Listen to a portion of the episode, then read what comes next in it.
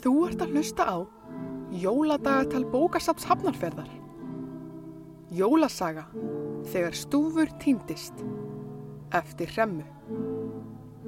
Höfundur les. Áttundi kapli. Það er frost á rúðinni sem stúfur nuttar burt. Þá sér hann bæði stórt og lítið mannfólk leika sér saman inni í stofu. Stúfi sínistu vera að spila lútó. Hann vill alls ekki að þau komi auga á hann, svo hann ákveður að býða þar til þau sopna.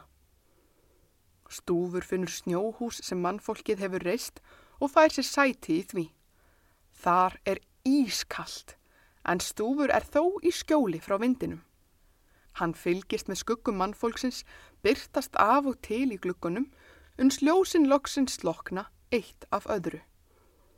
Þegar síðasta ljósið hefur sloknað, skrýður stúfur út úr snjóhúsinu og fær strax ískaldan skafrenning í fangið.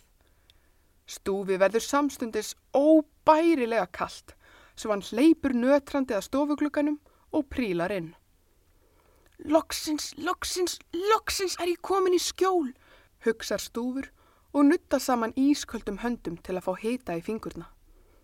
En innmitt þá heyrir stúfur fótatak nálgast stofuna. Hann stekkur á bakvið sófan um leið og yngsta barn heimilisins röldir gegnum stofuna á leiðinni á klósettið. Stúfur liggur stjærfur á bakvið sófan þar til barnið er aftur farið upp í rúm.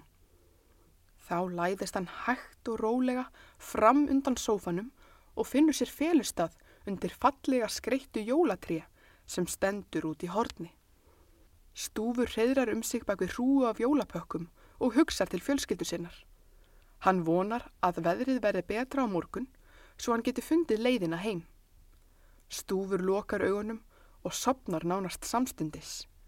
Hann hefur ekki hugmynd um það að einmitt á þessu augnabliki er stekkastur bróðir hans bara nokkru metrum frá honum að lauma góðgæti í skó sískinana á bænum.